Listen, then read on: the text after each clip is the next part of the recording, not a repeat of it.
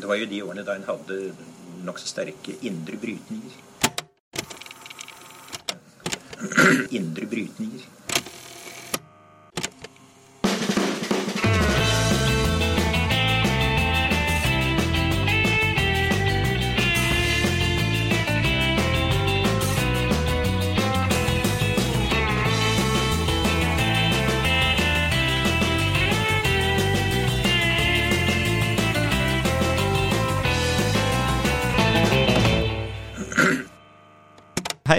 Velkommen til Noen har snakket sammen. Jeg heter Aksel Fjellavli. Og jeg heter Tiril Rustan Halvorsen. Denne uka er det podkast. Ja, eh, plutselig så var det liksom godt forsvunnet en uke. Jeg vet ikke om det er fridager i mai eller eh, hva det er, ja, men Så var det jo en liten eh, teknisk glipp, rett og slett, i forrige uke. Du var jo og uh, spilte inn podkast. Ja. Um, jeg intervjuet Marianne Borgen, ordføreren i Oslo, om eh, Tøyenløftet, eller Tøyenavtalen, som det er seks år siden ble skrevet under på. Eh, og den lovet vi både publikum der og andre at skulle komme som podkast, men det skar seg i opptaket, dessverre. Jeg tar ikke noe ansvar for det. Eh, men, men vi har jo snakket om det og tenkt at vi kanskje kunne invitere henne hit, eller eh, snakke om Oslo. Mm, ja, det må vi få til eh, uansett uh, før valget, tenker jeg, å ha en egen uh, Oslo-episode. nå har vi reist så mye rundt i, i landet og snakka med kommentatorer at Stakkars nå Oslo. Stakkars Oslo, nå må vi snakke litt om Oslo også. Ja. Eh, det er ikke det vi skal gjøre i dag. Vi skal Nei. snakke om eh, rettferdig omstilling, som eh, hele Norge må gjennom. Mm. Men eh, en gang før valget så blir det nå Oslo. Ja. Ja. Og vi får besøk av Marius eh, Holm fra Zero. Mm. um, for å høre hva, hva rettferdig omstilling er og bør inneholde. Mm. Hva skal oppnå. Ja. Hør på dette. Da har vi fått besøk av Marius Holm fra Miljøstiftelsen Zero i studio. Velkommen hit. Tusen takk. Eh, vi skal snakke om rettferdig omstilling, som på en måte er det litt sånn nye buzzordet i klimakampen og, og blant eh, klima- og miljøvernere. Eh, og, og dette er jo Man har sett gule vester osv. Så, videre. Så kommer det en sånn rettferdighetsmoment inn i, inn i klimakampen. Eh, og, og, og hvilken Hvis du kan si noe først om hva slags jobb er det vi står ovenfor i den derre rettferdig omstillings... Mm. Altså Klimaomstillingen er jo omfattende. Vi Mhm. skal eh, endre veldig mye. Det er veldig mange bransjer som må gjennom store investeringer. Og eh, de investeringene vil jo koste penger. eh, Og de vil også gjøre andre bransjer, eh, om ikke overflødige, så i hvert fall mindre lønnsomme. Eh, Det betyr at mange mennesker vil oppleve at de neste 20 årene så blir kanskje jobben deres erstatta med en annen jobb. Så det, det er jo den ene biten av omstillingen. At de som Mange de som- miste jobben. De som treng, ja, ikke sant? Alle trenger jobb. Og eh, det er en, den ene store utfordringen. Å sørge for at alle har et levebrød som de er fornøyde med, og som de trives med. Mm. den andre store jobben er jo å få til eh, at disse kostnadene fordeles på en måte som gjør at folk kan leve med det. Eh, at eh, politikken og insentivene, avgiftene, subsidiene, fordelingen av kostnader som det offentlige tar, at den fordeles på en sånn måte at den blir akseptert av brede lag av befolkningen. Fordi en effektiv klimapolitikk, eh, det oppfattes jo av økonomer, som jeg jo også er, eh, gjerne som den som billigst mulig kutter utslipp. Men eh, en effektiv klimapolitikk er jo først og fremst en politikk som ja, den kutter utslipp effektivt, men den må jo bli vedtatt for å være effektiv.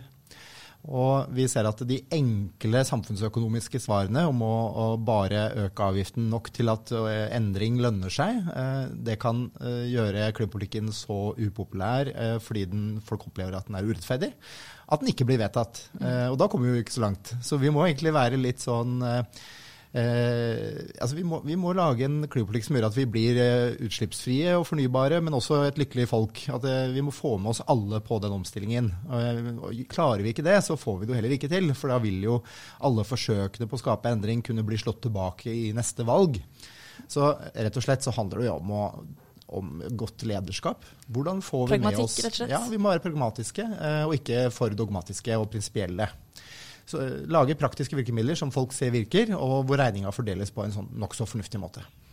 Det har jo vært eh, altså Tidligere nevnte gule vester, men vi har jo også eh, diskusjon om bompenger i Norge, som jo har en viss temperatur. I, i Sverige så har man diskusjon om eh, bensinavgifter, som ligner egentlig ganske mye på bompengediskusjonen i Norge. Er det eh, det her at man har fått litt sånn en aha-opplevelse blant de som har vært opptatt av klima og miljø, på at eh, på en måte de effektive løsningene ikke nødvendigvis er de som får oppslutning, eller hvordan eh? Ja, jeg tror det. Fordi, og jeg er jo en av de som har tenkt at vi må velge virkemidler som er effektive, og så får vi løse fordelingsspørsmålene på andre måter. Eh, og det er på en måte det faglig korrekte svaret som en samfunnsøkonom vil komme med. At eh, vi øker prisen på forurensning, og hvis vi har et fordelingsproblem, så løser vi det gjennom skattesystemet. Eh, altså inntektsskatt og formuesskatt og lignende. Men det tror jeg ikke nødvendigvis oppfattes som å ha noen sammenheng. Så om man eventuelt reduserte skattene for vanlige lønnsmottakere, samtidig som eh, kostnaden med å bruke bil eller slippe ut CO2 eller kjøpe varer som gir mye CO2-utslipp i produksjon, eh, øker, så tror jeg ikke folk vil oppfatte sammenhengen der nødvendigvis. Eh, Så jeg, jeg tror ikke det løser problemet. Eh, Og så er det jo en erkjennelse av at det har oppstått eh, på en måte tendenser til litt sånn oppstand. Eh, sosiale medier og sånn har jo bidratt ganske kraftig til, til det. At det blir mer, det er blitt et mer aggressivt ordskifte. Eh, enten det er bompengedebatt eller vindkraftdebatt eller andre ting som, som man må forholde seg til. Eh, og man kan ikke på en måte prinsipielt ta avstand gjennom fakta. Altså, vi kan ikke bare avvise at å si at eh, jo, men det er ikke det er jo ikke nødvendigvis de eh, fattigste som rammes av CO2-avgift, for det er ikke de som forurenser mest. Det blir for enkelt. Fordi i praksis så vil det alltid være unntak fra den statistiske eh, beregningen som, sier, som, som, vi- som vil eh, vise at ganske mange rammes hardt av økte avgifter. Så her må vi rett og slett bare tenke litt eh, smartere. Og jeg, jeg har latt meg inspirere av eh, mange eh, grønne aktivister som f.eks. har tatt til orde for eh, å, eh, lage CO2-avgifter som fordeles ut. En såkalt karbonavgift til fordeling. Det er én måte å angripe dette på. Eh, hvis f.eks. vi øker CO2-avgiften eh, sånn, eh, ja, med et par kroner, så vil det koste en gjennomsnittshusholdning noen tusen kroner i året. Hvis alle husholdninger fikk utbetalt det som en eh, engangsutbetaling, f.eks. etter jul når alle er blakke, så, eh, og den, det kalles på en måte klimasjekken, eh, vær så god, her er eh, din andel av klimaoppgjøret, eh, så vil eh, man ser sammenhengen, man vil se at man får tilbake de pengene man har betalt inn. Og for eh, et flertall av befolkningen så vil da den sjekken antagelig være større enn det du har betalt inn i CO2-avgift. Mens for de som eh, har eh, kanskje eh, mange biler, flyr mye, eh, har eh, rett og slett en eh, høy kjøpekraft og dertil eh, høye utslipp, de vil eh, gå i minus. Og det eh, er jo ikke urimelig. Det vil også være som, familier som har høy inntekt. Som, som har råd til flere hus, flere biler, eh, mange reiser. Så Det er jo en måte å tenke nytt på om avgiftspolitikk som, eh, som ikke finnes i læreboka i samfunnsøkonomi, og som ikke Finansdepartementet noensinne har egentlig vurdert. Man har jo vurdert litt sånn varianter hvor vi øremerker inntektene. Eh, at vi bruker CO2-avgiften til å finansiere klimatiltak. Det er eh, kanskje fornuftig, eh, det også. Det vil også gi større legitimitet til avgiften. At man ser at eh, peng, avgiften ikke bare er der for å endre atferd, men at eh, den også er en del av et eh, system for å finansiere klimatiltak. Det vil øke legitimiteten. Men jeg tror i hvert fall at vi eh, bør eh, tenke veldig pragmatisk og, og tenke at eh, ja, jeg, hvis jeg hadde vært politiker da, i et lite grønt parti Vi har jo flere, det er ikke bare Miljøpartiet De Grønne, men de partiene som tradisjonelt har stått på for klima og sørga for at vi har fått til tross alt veldig mye i Norge, sånn som SV og Venstre har gjort gjennom skiftende regjeringer så, eh, så må vi tenke som så at ok, vi må lage klimapolitikk som også de store partiene kan gå til valg på. De som er ute etter eh, å få med seg hele befolkningen. For de små partiene de er veldig fornøyd hvis de klarer sperregrensen, men, eh, og kanskje litt til, mens de store partiene er nødt til å ha klimapolitikk som de kan få med seg flertall på. Og det, den idédugnaden der, den klimapolitikken som er effektiv, og som både, eh, som både Arbeiderpartiet, Høyre og, og, Senterpartiet og Frp liksom trygt kan gå til valg på og vite at det, her det her vil velgerne oppfatte som greit, det her er en fornuftig måte å angripe et stort samfunnsproblem på, ja, så tror jeg at vi har kommet mye lenger. Det, det er også en, en eh, Nå har vi jo stort sett uh, snakka kanskje mest innenfor en sånn sosial kontekst når vi snakker om, om rettferdighet og sånn, men det er også en geografisk komponent der, veldig tydelig i, i Frankrike med de gule vestene osv. Uh, og det er jo et slags sånn uh, jeg tenkte en del som føler på en sånn opplevd urettferdighet uh, blant folk som f.eks. er veldig avhengig av bil da, på, på, på bygda. Ja. Kjører lange avstander, men mm. som uh, antagelig en del av de slipper ganske lite Eh, i forhold til eh, oss som bor nært en flyplass, og som lett kan ta en helgetur til London med fly, f.eks. Eh, hvordan kan man eh, ta hensyn til den geografiske komponenten? Altså, der kommer jo også liksom, elbilkritikk eh, inn, f.eks. Ja, og vi har jo, eh, der her har vi jo fått til noe i Norge som er unikt med elbilpolitikken. Fordi mm. vi har nå verdens høyeste markedsandel for elbiler. Og det har skjedd gjennom virkemidler som, hvor, hvor, kostnaden fordeles på alle. Altså at vi har brukt sterke altså vi har jo ikke sant, Utgangspunktet er at vi har etablert høye bilavgifter i Norge gjennom på en måte, siden etterkrigstiden. Har vært, vi har vært vant til at bil er ganske dyrt i Norge. Og da har det vært mulig å fremme elbil gjennom å ha avgiftsfritak på elbil. Eh, og, det har, og, det har, jo gjort mobilitet, utslippsfri mobilitet på bygda mulig for de mange. Altså Nå har vi eh, elbiler som koster omtrent det samme som eh, andre som bensin- og dieselbiler.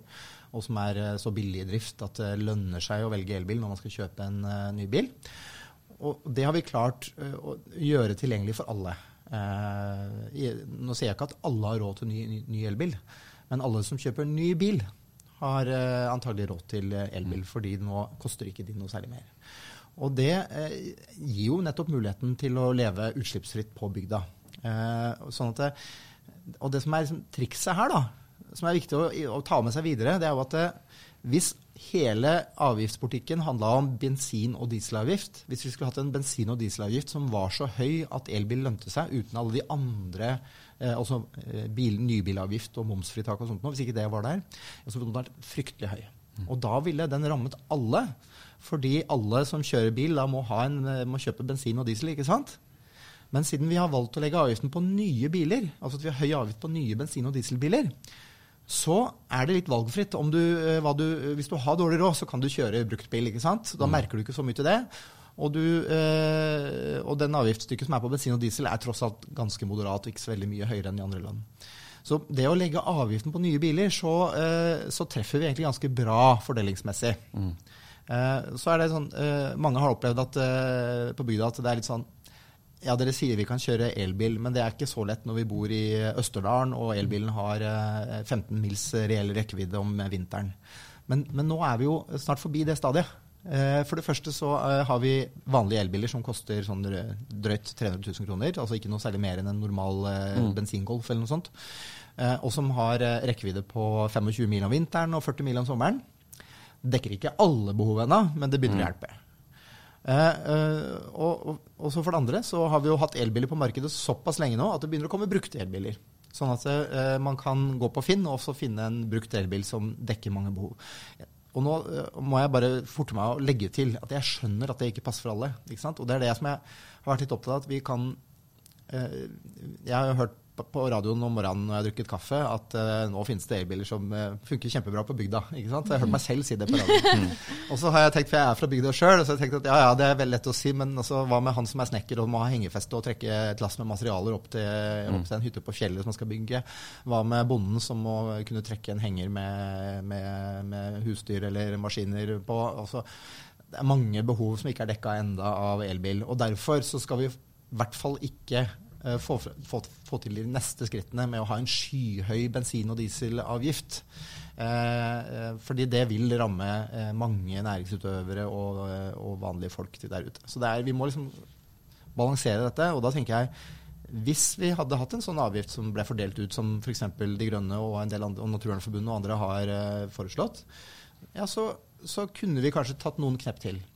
Da kunne vi gjort det enda mer lønnsomt å velge eh, fornybare alternativer eh, uten at eh, det blir urimelig dyrt. Og hvis vi, hvis vi tenker oss en sånn fordelings... At du, alle betaler inn avgift, ikke sant? og så får du tilba tilbakebetalt en sånn sjekk en gang i året.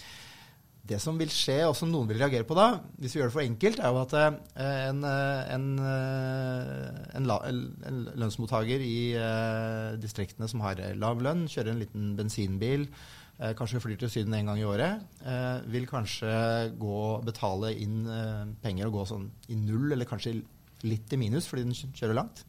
Men sånne som meg, da, som, som bor i Oslo og tjener ganske bra, og som kjører elbil og, og drar på hytta med elbil og sånt, så har vi ganske lave utslipp. Vi vil gå i pluss. Og det er kanskje, Da vil vi oppleve at du sender penger fra bygda inn til Oslo, og det tror jeg er en dårlig idé. Så hvis vi isteden omfordeler lokalt, så vil det kunne være Da løser vi det. At, kommunal klimasjekk, rett og slett. ja, at, du, at den håndteres nok nasjonalt, men at Ja. den betales ut på kommunenivå. sånn at hvis du, eh, du betaler en CO2-avgift i, i din kommune, så får du tilbakebetalt basert på, på en måte, gjennomsnitt i kommunen. Det, det er en måte også å sørge for at pengene blir i bygda på, og det tror jeg kan være, eh, gi økt legitimitet. Ja, Kaffe er jo åpenbart et eh, tiltak som dere og flere foreslår. Og så er det jo andre ting som skaper mye følelser i denne debatten. Du har vindmøller på land, du har alle disse som kan miste jobben, ikke sant, som du nevnte tidligere. Hva, skal man gjøre for å løse de eh, spenningene? Ja, Hvis vi tar vindkraftdebatten, så henger jo den sammen med altså Det er jo energiforsyningen. Hvordan skal vi få nok fornybar strøm til å erstatte all fossil energi i transportsektoren og industrien og sånt. Og er jo, der er det jo to måter å få nok strøm på. Det er å bygge mer kraft ut, mer fornybar kraft. Og så er det å, å eh, spare mer. eh, energieffektivisering i bygg f.eks., hvor det er et stort potensial. Nå ser vi jobber veldig mye med begge deler. Vi har jo tatt initiativ til noe som heter Powerhouse, som er en måte å bygge det er mest næringsbygg, kontorbygg og sånn, som er energipositive. Eh, hvor vi sammen med byggebransjen har lagd hus som har ekstremt energigjerrige, og som har solceller på taket, sånn at de går i pluss. Eh, og den retningen, det å altså bygge, bygge mer energieffektivt og, og bruke husets tak til å produsere energi, det kan jo redusere behovet for vindkraft. Det ønsker vi å få til. Vi må gjøre begge deler. Vi, får, vi skal bli kvitt 170 TWh med fossil energi. Det krever eh, i størrelsesorden 30-50 TWh med fornybar strøm å bli kvitt det. Men uh, vi, må, uh, vi må gjøre begge deler. Og jeg tror at uh, aksepten for å bygge noe vind eh, vil være større når vi har tatt ut de andre mulighetene innenfor energieffektivisering.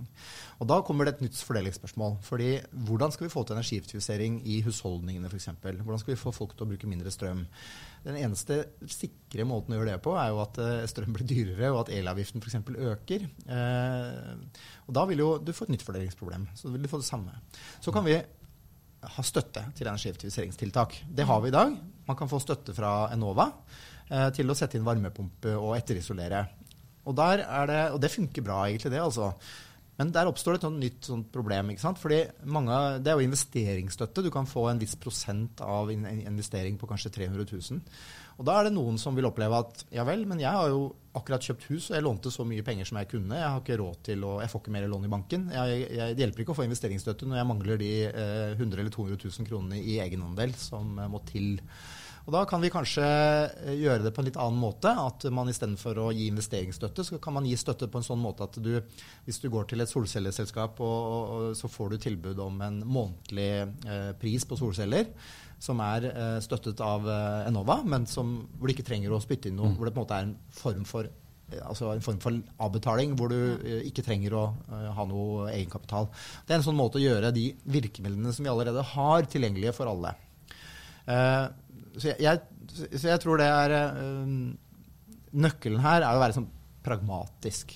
Tenke OK, hvordan kan vi, hvordan kan vi eh, få til dette på en sånn måte at alle syns det er kult? Eh, og likevel sørge for at det er økonomisk effektivt. Det som er viktig å huske på, pris virker aller best.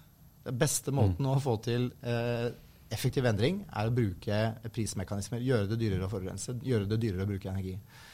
Kan vi kombinere det med ting som gjør at folk syns det er artig og ålreit og rettferdig, ja, så er klimapolitikk plutselig mye lettere. Men, men det, jeg har hørt deg nevne tidligere at eh, folk Altså det du sier nå, det, det effektive er å, en, å sette en pris på ting, sånn at man endrer atferd. Eh, men at det blir større oppslutning om det hvis den avgiften blir brukt på noe direkte. Eh, Ja, og det er jo det vi har, det er det vi har ment Ja. tidligere, at vi skal øremerke avgiften. Vi har bl.a. jobba for et CO2-fond for næringslivets transport, mm. hvor du eh, øker avgiften, eh, og så går pengene til et fond som støtter investeringer i hydrogen og elektrisk lastebil f.eks. Og det, det har vi fortsatt veldig tro på, og det ønsker vi å gjøre særlig. Vi ønsker fortsatt å gjøre det med næringslivets transport. At man eh, sikrer en overgang, rask overgang i næringslivet. Nå ser vi jo utslippene i Norge øker, og det er mest pga. varetransport. Eh, altså det er dieselmotorene i næringslivet som gjør at utslippene i Norge ikke falt i 2018. Og da er den, eh, er det veldig lurt å øke avgiften. Da vil man, Næringslivet er rasjonelle. De vil tilpasse seg en økt avgift med å gjøre ting på en litt annen måte. Litt mer effektivt. Velge, kanskje velge elektrisk varebil. Eh, men samtidig så er det noen sånne barrierer der. Sånn, eh, der man må gjøre noe nytt, man må tenke ut noe smart, man må investere i noe man ikke har investert i før. Så da å ha et fond som støtter de investeringene, det gjør at barrieren blir mye mindre, og at man kommer mye raskere i gang. Og det kunne man gjort i samarbeid med næringslivet. Eh, så det, Jeg har fortsatt veldig tro på å tenke på den måten på noen sektorer. Men når det gjelder husholdningene, så tenker jeg at det, er, det, er, det ville økt legitimiteten der også om CO2-avgiften ble brukt til klimatiltak. Og la meg understreke at jeg som økonom selvfølgelig skjønner at det er ikke det som er hensikten med en avgift. Er å, hensikten er å endre atferd, og så bevilger vi penger til det vi trenger penger til over statsbudsjettet. Det er sånn vi økonomer alltid tenker. Men det å gjøre det, å gjøre det på en måte veldig synlig for folk OK, marginalkosten, som det heter. det Kjøper jeg en liter ekstra diesel, det koster mer. Kjøper jeg en ekstra flybillett, det koster mer.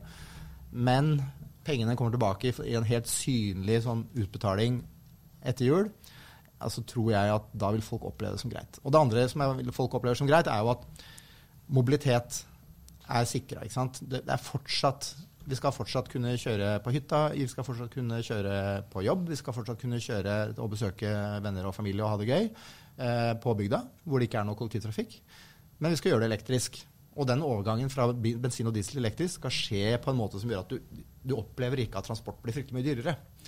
Du, det er noen sånne det kommer ikke utenom at er, noen må ta en investering, og noen vil oppleve at regningene ser annerledes ut. Men totalkostnaden med mobilitet på bygda trenger virkelig ikke å bli høyere ved å gå over til elektrisk. Mm.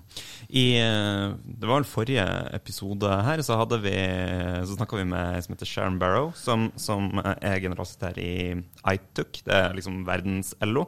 Eh, og hun var veldig opptatt av det hun på engelsk kalte for just transition. Og det, det er jo egentlig det samme som det vi, mm. uh, som vi snakka om, uh, om, her. Uh, og altså for fagbevegelsen så handla jo dette om trygge jobber, overgang til ny jobb. I Australia, f.eks., der hun kommer fra, så er det mye snakk om eh, kullindustrien i Australia, der folk skal over i, i nye jobber. Mm. Eh, det australske Arbeiderpartiet har gått til valg på et eget direktorat for rettferdig omstilling for å håndtere disse spørsmålene her. Men når du snakker, så handler det mye om innretning av avgiftssystemet og, og sånne ting. Men, men tenker du at innenfor den rammen vi snakker nå, så er også eh, jeg håper å si, omstilling av jobber og sånne ting. Ja, Det er jo den andre store jobben. Ja. Og det er, eh, det er jo ikke de samme grepene som skal til der. Eh, for det handler jo om å, å, ha en eh, næringspolitikk som gjør at eh, vi får Og, en, og selvfølgelig en arbeidslivspolitikk som gjør at vi, eh, vi sikrer sysselsettingen. Og, og, der er det jo, det er jo særlig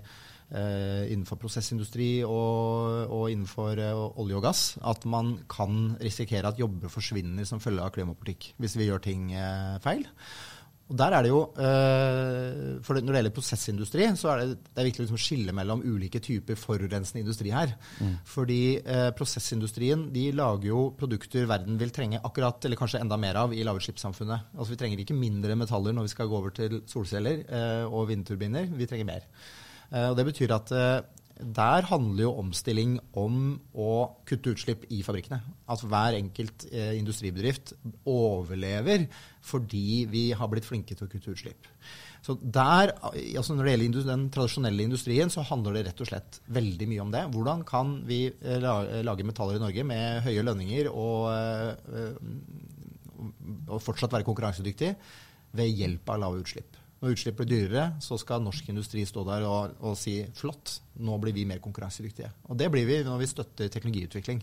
Når vi sørger for at man uh, forserer de teknologiskiftene som må komme innenfor betong, uh, altså sementproduksjon med CO2-fangst og -lagring, gjennom å bruke nye reduksjonsmidler i metallindustrien, og, og gjennom å energi, energieffektivisere og elektrifisere alt som kan elektrifiseres. På den måten så sikrer vi arbeidsplassene i industrien. Men så er det olje og gass, selvfølgelig, hvor uh, det er selve produktet som er problemet. Uh, altså ikke, ikke utslipp, det er ikke utslippene fra produksjon av olje og gass som er hovedproblemet, men utfordringer. For det, vi kan jo kutte lett. Vi, Johan Sverdrup-plattformen som er eh, snart ferdig, den, eh, den har jo nesten ikke CO2-utslipp. Det, det, men det er jo det at produktet blir mindre og mindre verdt, eh, som føler at verden skal slutte å bruke det. Mm. Og Det er klart, da, det er en helt annen type utfordring. Og da eh, har ingen noe fasitsvar på hva som skal være den nye oljen. ikke sant? Har, eh, Agenda har jo nettopp gitt ut en rapport som, som drøfter dette. Og, og, og, forsøkene på å finne den nye oljen blir jo latterliggjort. fordi det er ingen næringer som er like lønnsomme, som kan mm. levere like stor verdiskapning per hode og like mye grunnrente inn i oljefondet som, som olje- og gassnæringen gjør. Så der må vi forberede oss på å bli mer som alle andre land.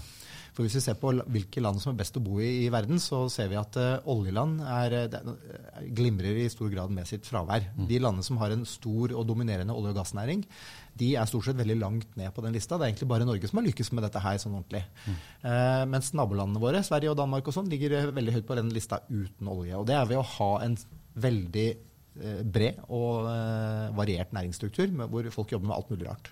Mm. Sverige er et industriland som som klarer seg veldig godt ved å produsere veldig mye forskjellig. Og det er det langsiktige sporet for Norge også, å bli mer diversifisert. Og ha en næringspolitikk som gjør at uh, alle mulige næringer blomstrer. Mm. Men så er jo mye av debatten om hvordan vi hvor fort vi skal gå dit. Og, og der tror jeg at hvis, hvis jeg hadde hørt på nyhetene jevnlig fra ledende politikere, f.eks. partiledere, som sier at vi må sette en sluttdato og legge ned arbeidsplassen din. Da ville jeg eh, tenkt at den greia der har ikke jeg lyst til å være med på. Hvis det var det jeg hørte i nyhetene. At vi må legge ned næringa hvor jeg jobber, og hvor jeg hadde planer om å jobbe hele livet. Hvis det er det man får høre, ja, da tror jeg da melder man seg av. Hvis vi isteden snakker om hva, alt det nye vi skal få til, eh, så tror jeg det er lettere. Hvis vi eh, istedenfor å sette en sluttdato og diskutere nedlegging av olje- og gassnæringen, snakker om hvordan vi gradvis trapper ned investeringene i nye oljefelt, og hvordan vi gradvis bygger opp f.eks. Eh, offshore vind som en ny eksportnæring for Norge, hvordan vi eh, legger til rette for eh, omstilling til landbasert industri, hvordan vi legger til rette for at folk gradvis får bruk for kompetansen sin i andre typer jobber så tror jeg det er lettere.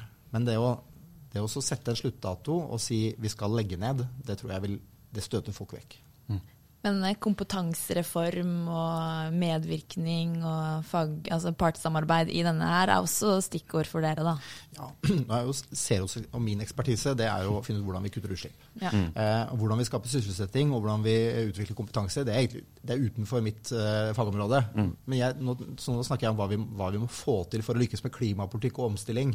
Altså det, det er forutsetningene for å lykkes. Eh, hvordan vi gjør det, det er en sånn Hadde jeg visst svaret på det, så hadde jeg eh, ropt det ut veldig høyt og tydelig. Eh, men, men, men, det handler altså om et puslespill av god eh, næringspolitikk, god eh, arbeidslivspolitikk, god utdanningspolitikk, som ikke Det er ingen sånn quick fix her.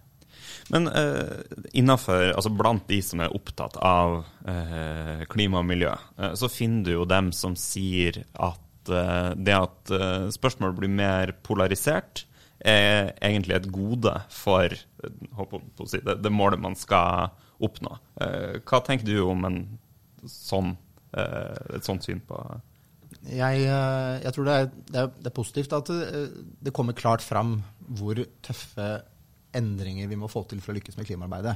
Eh, det er bra at det er en litt sånn hard debatt om at det går for sakte. At vi faktisk er på vei mot klimakrise fordi vi gjør altfor lite. Det er bra at det kommer tydelig fram. Mm. Men jeg tror ikke det er bra at det, vi generelt blir et mer polarisert samfunn. Fordi, eh, og nå ser vi at, som Bård Vegar Solhjell i WWF nylig skrev i Aftenposten, at klima er det nye innvandring.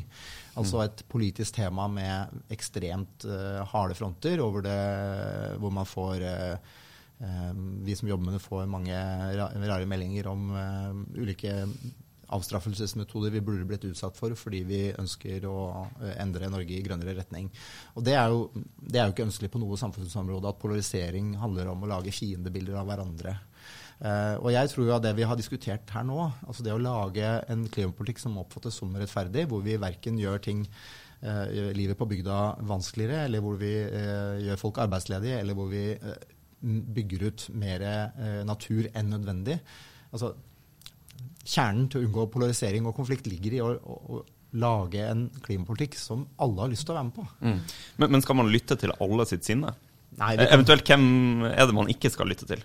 Det er umulig å få til samfunnsendring uten, at, uh, uten motstand. Uh, det kommer til å være friksjon, det kommer til å være motstand, men, men altså må, Motstanden må ikke være så stor at motstanden vinner. Uh, Men bare at vi sitter og snakker om rettferdig omstilling, er jo en anerkjennelse av at noen kanskje har hatt grunn til å være sinna, da? Ja, man kan jo diskutere hvor godt begrunna bompengeopprør er. Altså, fordi det er, ikke, det er jo ikke, som vi alle vet, så er det jo ikke, det er ikke lavtlønnsgrupper nødvendigvis som rammes hardest av det. Men det er noen, ikke sant. Det er ganske mange. Selv om, selv om det i gjennomsnitt er sånn at bomringer som skal redusere trafikken i byene, i gjennomsnitt rammer den folk med god råd og stor bil og som kjører mye og, og sånt. Så, så, så, kan vi ikke bare forholde oss til gjennomsnitt, vi må forholde oss til at det er noen der som har dårligere råd også, som rammes, og som opplever det som urettferdig. Vi kan ikke la være å begrense biltrafikken av den grunn. Men vi kan lage mekanismer som gjør at det oppfattes som mindre urettferdig. Og, og hvis, man, eh, hvis, vi nå skiller et øyeblikk da, mellom bompenger som er der for å bygge mer motorvei, eh, og bompenger som er der for å få en mer miljøvennlig byutvikling i Oslo, Bergen, Stavanger osv., ja, så kunne man jo tenke seg en sånn fordeling også av bompengen. At, eh, at vi finansierer samferdselsutbygging på andre måter, men at akkurat den der bompengen, eh, bomavgiften som er der for å få folk til å velge annerledes, for å endre atferden, at den fordeles ut igjen. Sånn at, og det har det jo vært eksperimenter på ved arbeidsplasser hvor de istedenfor å få gratis parkering på jobben, har fått utbetalt det parkeringsplassen koster. Og så kan de velge om de vil leie den parkeringsplassen mm. eller slutte å kjøre bil. Og da ser vi at folk, folk, tenker at ja, det var jo helt rimelig, og så velger de noe annet enn bil. Jeg syns ikke vi skal vike på at klimapolitikken skal være effektiv. Den skal sørge for at vi på en måte på billigst mulig vis driver fram omstilling. Men hvis vi klarer å kombinere det med rettferdighet, at de som har dårligst råd, betaler minst, og de som har god råd, betaler mest. Gjennom mekanismer som eh, øremerking av avgift, karbonavgift og fordeling eller andre mekanismer. Så får vi jo til det begge deler. Mm. Når det gjelder den globale rettferdigheten, altså hvem er det som har tjent på forurensning, så mener jeg at eh, der har Norge et særlig ansvar for å bidra til eh, global endring også. Vi har 8000 milliarder kroner på bok som vi har tjent på olje og gass. Eh, om å selge, selge klart, Ansvaret for de utslippene fra norsk olje og gass det ligger hos de som brenner den. Det er, det er, det er ikke sånn at Tyskland er fritatt for ansvar for transportutslipp fordi oljen kommer fra Norge. Eh, men pengene ligger jo igjen ikke sant? De ligger jo igjen i oljefondet, og det er en enorm muskel. Så hadde jeg vært statsminister og hadde jeg eh, og sittet der og hatt krisemøte nå, ikke om bompenger, men om eh, at utslippene i verden faktisk fortsatt stiger, mm. og tenkt hva kan vi som et av verdens rikeste land gjøre, så ville jeg tenkt ok, nå må vi stoppe kullkraft. Vi må, vi må bruke kapitalen til, å, eh, til fornybar energi i vekstøkonomiene. Vi må få en rask stopper for ny utbygging av kull- og gasskraft eh, i Asia og i Afrika. Vi må eh, bli kvitt de som de allerede har bygd, som er, eh, kanskje har lang levetid igjen. Og Måten du gjør det på, er å bygge ut solenergi og offshore vind og vind på land i de vekstøkonomiene med den kapital og kompetansen vi har.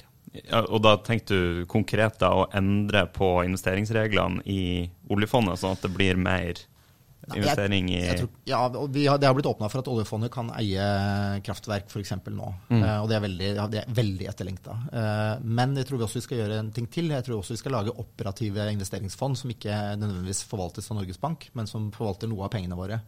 Uh, og som rett og slett har som jobb, og i samarbeid med norske myndigheter, å sørge for at land vi samarbeider godt med, blir fornybare det må være i kombinasjon med politisk samarbeid, vi, hvor vi er villige til å investere med et veldig moderat avkastningskrav mot at man faser ut fossil energi i, eh, i de landene. Det, er, det, vil Norge fortsatt kunne tjene på. Det, vi trenger ikke å gi bort pengene, det er investeringer.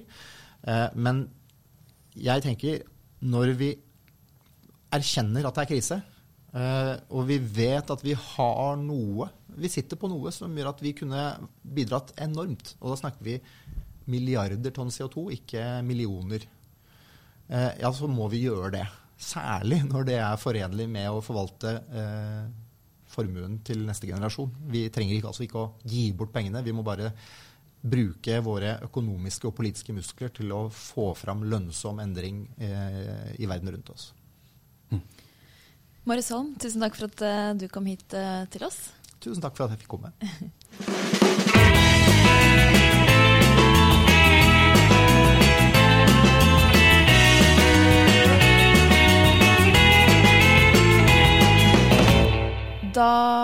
kan jo jeg anbefale neste ukes frokostmøte i Agenda, hvor Marius Holm skal innlede om nettopp rettferdig omstilling. Han eh, skal holde en liten innledning, og så er det et uh, spekket panel av uh, representanter fra fagbevegelse og eh, bondebevegelsen osv. For, å, for å få inn også de sidene av den rettferdige omstillingen som vi kanskje ikke fikk snakket så mye om Mm. i dag. Eh, så det er på Kulturhuset 11. juni. Mm. Sjekk det ut på Facebook. Ja. Mm. Og jeg tror jeg vet hva du skal anbefale, men det? Ja, nå, nå eh, nevnte jo Marius det mens vi, mens vi snakka, men eh, Agenda lanserte et, eh, et nytt notat på, eh, på tirsdag. Eh, og det er jo et litt annerledes notat enn en del av de notatene vi lanserer, fordi eh, Agenda er bare sekretær eh, for å skrive notatet, men det er eh, politikere som står for, eh, for innholdet. Og det er da politikere fra eh, Arbeiderpartiet, Senterpartiet, SV og MDG, eh, som har eh, skrevet et notat om næringspolitikk som heter 'Grønn vekst for fremtida'. Så det handler jo egentlig om eh, litt av det vi snakker om nå. Hvordan skal man uh, få til uh, en næringspolitikk som, som eh, får oss igjennom det, det grønne skiftet og skaper nye, gode jobber. som er rettferdig og grønt. Ja, alt som er bra. Ja. Eh, det også kommer vi helt sikkert til å snakke mer om med de, de aktuelle politikerne fra utvalget, kanskje, i senere episoder. Eh, men for nå er det egentlig bare å si takk for nå. Takk og farvel.